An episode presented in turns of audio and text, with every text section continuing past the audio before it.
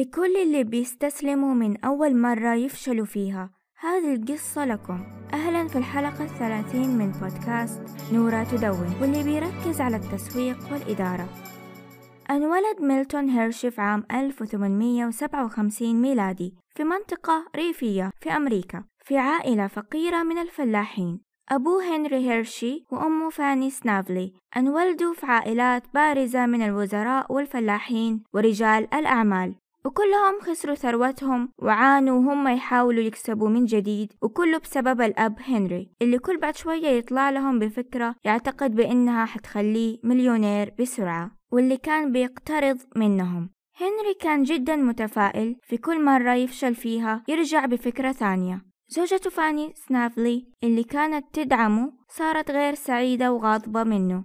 قبل ما يصير عمر ميلتون ثلاث سنوات باع هنري المزرعة تبعهم وانتقلوا لمدينة أويل سيتي في بنسلفانيا والمعروفة بالنفط. فكان هنري يتمنى إنه يكسب فلوس من ثورة النفط الأولى في أمريكا.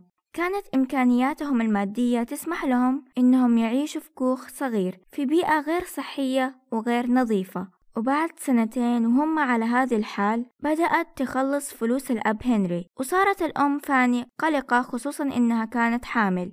زارها أخوانها الاثنين إبراهام وبنجامين ولما شافوا حالتها والوضع اللي هي كانت فيه وكيف إنه ولد أختهم ميلتون كان ضعيف وصغير الحجم مقارنة بالأطفال في نفس سنه عرضوا على هنري إنهم يرجعوا للمنطقة الريفية اللي كانوا فيها وحيساعدوه عشان ينتقل. إلا إنه هنري رفض وقال إنه حاليا هم في حرب أهلية والجنود محتاجين للنفط وراح يربح الملايين وفي نفس الوقت حيساعد في قضية مهمة وطلب منهم فلوس إلا إنهم رفضوا. وحتى زوجته رفضت تقنعهم بسبب البيئة الملوثة اللي عايشين فيها ما تنفع للأطفال. وهنري كذا اضطر إنه يترك حلمه ومدينة النفط ويرجع مع عيلته للمنطقة الريفية اللي كانوا فيها قبل. وبعد استقرارهم ولدت فاني ببنت وسمتها سارينا ميلتون بدأ يروح المدرسة ولكنه كان جدا سيء في الدراسة وما كان يعرف يقرأ كويس. في هذه الأثناء هنري بدأ business جديد وهو بيع الآلات الزراعية وانتهى بالفشل زي أي business بدأوا أخوان فاني ما عجبهم وضع أختهم وزوجها خصوصا إنه صار عندهم طفلين لازم يهتموا فيهم. فأعطوا هنري مزرعة لهم في لانكاستر على أمل إنه يعمل شيء منتج ويكسب منه. هنري قبل عرضهم وانتقل مع عيلته للعيش في لانكاستر. هنري كان جدا متحمس برعاية الدجاج والبقر وزراعة التوت والورد وغيره لكن طبعه ما أتغير. جاته فكرة تربحه بسرعة. فصار مهمل للمزرعة وترك فاني تربي ميلتون وسرينا وتهتم بالمزرعة وتبيع البيض والمكانس المصنوعة يدويا. فاني كانت قلقة ما كان عندهم شي ياكلوه في بعض الأحيان. وكمان كانوا محتاجين للملابس والكوخ اللي هما فيه كان بارد. وبسبب هذا الشي ميلتون وسرينا مرضوا. بعد فترة ميلتون تعافى لكن سرينا ساءت حالتها وتوفت. بعد موت سرينا الأم فاني حست إنه حياتها خلاص انتهت. لكن أختها ماتي قالت لها عندك ولدك؟ وراح نتأكد إنه يكبر ويصير رجال كويس لأنه ما نقدر نعتمد على الأب هنري اللي كل بعد شوية يجري ورا أفكار الثراء السريع. كبر ميلتون وعنده قناعة بقيمة العمل بجد بسبب أمه اللي علمته أهمية العمل وشجعته على إنه يصير مزارع أو رائد أعمال. كان ميلتون طول وقته مشغول. كان بيساعد عيلته في المزرعة ويعتني بأمه وقت غياب الأب هنري. بينما الأم كانت تشجع ولدها يصير مزارع أو رائد أعمال الأب كان مصر على إنه ميلتون يصير كاتب نفس الحلم اللي كان يحلمه وما قدر يحققه. ميلتون نفسه ما كان يعرف إيش يبغى لنفسه لكن ما كان يبى يكمل دراسته. شاف إنه ده الشي ما يناسبه حتى إنه أحد مدرسينه قال له يترك الدراسة لأنه ما راح يتعلم أي شيء. بعد ما تعلم ميلتون القراءة والكتابة والحسابات البسيطة ترك الدراسة وعمره 12 سنة. أمه فاني دعمت قراره أما هنري كان عكس ذلك. ساعد ابنه ميلتون يشتغل كمتدرب في مطبعة على أمل إنه يترقى ويصير كاتب. ميلتون ما كان عاجبه وكان يتمنى أبوه يوقف يجبره على الحلم اللي ما حققه لكنه قبل بالوظيفة. مدير المطبعة كان عصبي ويصرخ على ميلتون كل يوم. ميلتون ما أحتمل معاملة مديره له. وفكر في فكرة عشان ينطرد وهي إنه يرمي قبعته في أحد الآلات عشان تتعطل وينطرد. كانت هذه الخطة الوحيدة اللي حتخليه يترك العمل لأنه أبوه وقع عقد يلزمه بالعمل في المطبعة لخمس سنوات. طبعا نجحت فكرة ميلتون ورجع للبيت بعد ما انطرد. فاني كانت متفاجئة ليش ولدها راجع بدري وقال لها اللي صار. فاني ما كانت محبطة أو زعلانة بالعكس قالت له إنه حيلاقي وظيفة أفضل منها. بعدها خالته ماتي قالت لهم عن متجر للحلويات في لانكستر وإنهم بيبحثوا عن متدرب. ميلتون تحمس وقدم على الوظيفة. صاحب المتجر جوزيف روير أعجب بحماس ميلتون. وظفه جوزيف وعلمه كيف يشتري المكونات وكيف يصنع الآيس كريم والحلويات وكيف يسعرهم. أم ميلتون فاني لاحظت إنه الحلويات بتعيش لفترة أطول بتكون أرباحها كثيرة. فشجعت ميلتون على إنه يركز على تعلم صنع الحلويات على أمل إنه يفتح محل حلويات خاص فيه في المستقبل. ودفعت لمديره جوزيف حتى يعفيه من أي عمل ما له أي علاقة بالحلويات. بالنسبة للأب هنري كان شايف العمل ده للنساء وما كان متقبله. ميلتون ما التفت لكلام أبوه وكان عاجبه الشغل ومستمتع فيه. بعد أربع سنوات من عمله مع جوزيف صار ما في أي شيء جديد يتعلموا منه. فقالت له أمه جاء الوقت إنه يفتح ال business تبعه لأنه مو معقول يبقى متدرب للأبد. لكن للأسف حتى مع جمع ميلتون للفلوس على مر السنين ما كانت تكفي إنه يفتح متجره للحلويات. خالته ماتي كانت شايفة إنه قادر على العمل بجد فقالت له رح تساعده هي وأخوانها عشان يبدأ ال business تبعه. كان ميلتون جدا سعيد إنه حيبدأ ال business تبعه ويجرب وصفات جديدة ويصنع حلويات تجيب السعادة للناس. بعد عدة أشهر فتح ميلتون متجره للحلويات في مدينة فيلادلفيا وكان في عام 1876 ميلادي. كان متجر ميلتون على نفس طريق المعرض الدولي الأول في أمريكا فكان متجره بيجذب الناس وهم في طريقهم للمعرض. ميلتون كان بيوفر الحلويات والآيس كريم والفواكه والمكسرات. كانت استراتيجيته ممتازة لدرجة أنه انتقل لمكان أكبر وفتح متجر للبيع بالتجزئة. بس بعدين سعر السكر ارتفع وكان صعب عليه يكسب. أمه فاني اقترحت أنه يرفع أسعاره. ولكن الخالة ماتي حذرته وقالت له لو رفع أسعاره رح يخسر العملاء. وخصوصا أنه أمريكا وقتها كانت بتتعافى من الكساد الطويل. والحل كان عند الخالة ماتي في توظيف رجل أعمال كمحاسب اسمه ويليام. ويليام راجع حسابات ميلتون واقترح عليه يدفع للموردين حتى يصير موثوق بينهم. كان المبلغ ضعف اللي يكسبه الشخص في سنة واحدة. ما قدر ميلتون إنه يدفع المبلغ هذا. فقالت له الخالة ماتي تكلم أخوانها إبراهام وبنجامين حتى يعطوه قرض. وبالفعل أرسلوا له المبلغ ولكن كان يكفي بس لعدة أشهر. ويليام المحاسب تبعه نصحه إنه يقلل التكاليف وبدل ما يبيع منتجات كثيرة يركز على الحلويات. كان ميلتون محبط ولكن كان فاهم إنه حيحتاج يتخذ هذا القرار حتى ينجح البزنس تبعه. بعدها بفترة زاد الطلب على حلويات ميلتون وصار يحتاج لمكان أكبر لكن ما قدر يتحمل ميلتون التكاليف فقالت له خالته ماتي اكتب لإبراهام وبنجامين إنها محتاجة فلوس منهم عشان تستثمر في متجره وأرسلوا له المبلغ وزاروا بعدها أبوه وانتقل للعيش معه بعد ما كان غايب عنهم لفترة طويلة وصار شريك معه في ال business وطبعا الأب هنري دايما عنده أفكار تخليه ثري بسرعة. ميلتون استثمر في أفكار أبوه بالرغم من إنه كان عليه دين كبير. وبعد فشل ثلاثة أفكار انهار ميلتون وصار تعبان. الدكتور نصح أمه وخالته إنهم يديروا المتجر بدل ميلتون إلين ما يتعافى. بعدها بعدة أسابيع أتعافى ميلتون وضغط عليه أبوه هنري ثاني بفكرة إنه يشتري حصته في business ما له أي علاقة بمتجر ميلتون حتى يسافر لمدينة ثانية ويدخل في business جديد. ميلتون ما قدر يتحمل أي خسارة ثانية لكنه ساعد أبوه هنري عشان ينتقل لمدينة دنفر ويتركه لأنه لو جلس راح يفلسوا بأفكاره.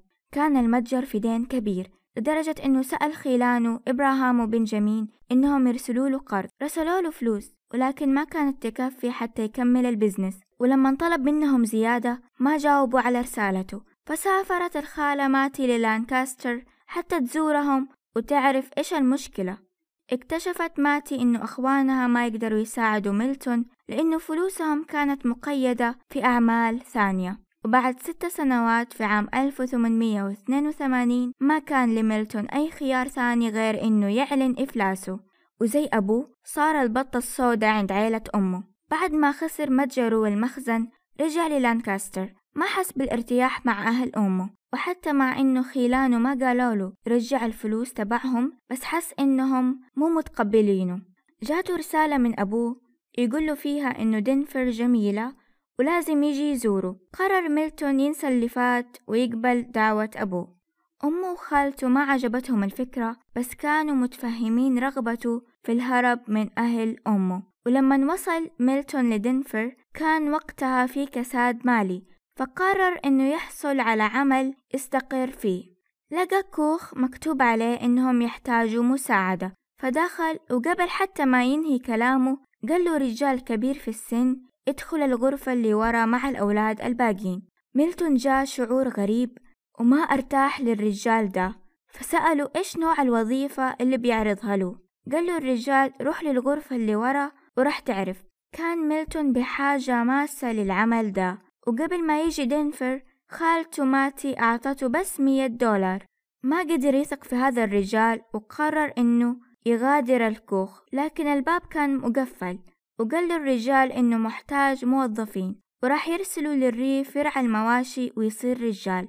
ميلتون قد سمع قبل عن رجال بيخطفوا الأطفال ويخلوهم يشتغلوا براتب قليل وتذكر إنه عنده سلاح أعطاه إياه أبوه فهدد الرجال إنه يفتح الباب له وخرج على طول وبحث في كل مكان عن وظيفة وكان على وشك إنه يفقد الأمل وبعدها شاف متجر للحلويات محتاجين مساعدة. فقدم ميلتون على الوظيفة وانقبل فيها وتعلم كيف يصنع الكراميل من حليب البقر الطازج بدل شمع البارفين. الحليب كان بيخلي الكراميل ناعم وحلو ويبقى لفترة أطول وبعدها بشهور استخدم ميلتون هذه المعلومة وحفظ الوصفة حتى يبدأ ال business الثاني تبعه في مجال الحلويات. وطلب من خالته تساعده في الفلوس واختار هذه المرة مدينة نيويورك اللي فيها المنافسة عالية. لما وصل ميلتون لنيويورك قرر إنه يشتغل في متجر للحلويات عشان يتعلم عن الموردين المحليين وإيش اللي يحبوه الناس في نيويورك قبل ما يبدأ ال business تبعه. وبعد سنة فتح متجره وكان متجره ناجح في نيويورك حتى أمه فاني وخالته ماتي جو يساعدوه. أسبوع ورا أسبوع المبيعات كانت بتزيد وميلتون كان واثق إنه في طريق النجاح. ولكن فجأة ظهر أبوه ثاني وطلب من ميلتون يستثمر هذه المرة في business لقطرات الكحة واللي فشل بسرعة. وبعدها هنري ترك ميلتون مديون وسافر لمدينة ثانية. وللمرة الثانية ميلتون ما كان عنده خيار ثاني غير إنه يعلن إفلاسه. ورجع ميلتون للانكاستر لكن ما حد من خلانه كان بيساعده. كانوا بيشوفوه زي أبوه رح يخسرهم فلوسهم. فطلب ميلتون من محاسبه السابق ويليام إنه يساعده وأعطاه فلوس. ميلتون كان يبي يثبت نفسه ويوري عيلته إنهم غلطانين. وبدأ شركة لانكاستر للكراميل ونجح هذه المرة ال business تبعه. فاجأته أمه وخالته بزيارتهم له ومساعدته. كتبت الخالة قرض باسمها عشان تساعد ميلتون لكن كان لازم يرجع المبلغ خلال تسعين يوم. حاول ميلتون إنه يبيع الكراميل في متاجر لانكاستر. الكثير اشتروا منه ولحسن حظه كان في شخص بريطاني بيستورد من أمريكا ومر من لانكاستر وجرب الكراميل تبعه وعجبه. فطلب من ميلتون كمية كبيرة تنشحن لبريطانيا وقال لميلتون لو وصلت بحالة جيدة رح يكتب له شيك. ميلتون قرر إنه يخاطر ويرسل الشحنة مع إنه البريطاني ما أعطى أي شيء مقدما. وراح للبنك يطلب قرض وقال له الموظف البنكي فرانك إنه بيخاطر بفلوس كثيرة. ما يقدروا إنهم يعطوه هذا القرض. حاول ميلتون إنه يقنع فرانك وخلاه يذوق الكراميل تبعه. ووافق فرانك إنه يكتب له قرض باسمه. وبعد ما رسل الشحنة بعدة أسابيع وصلت له رسالة فيها 500 pound بكى ميلتون من الفرحة لأنه أخيرا حيدفع كل الديون اللي عليه. وبعدها بدأت شركة لانكاستر للكراميل تكبر سنة بعد سنة وصار يشحن لأمريكا وأوروبا ووظف أكثر من 1400 شخص. ميلتون ما وقف هنا. فعام 1893 ميلادي في المعرض العالمي الكولومبي في مدينة شيكاغو عجبه فن صناعة الشوكولاتة وراح المعرض حتى يشوف آخر الاختراعات.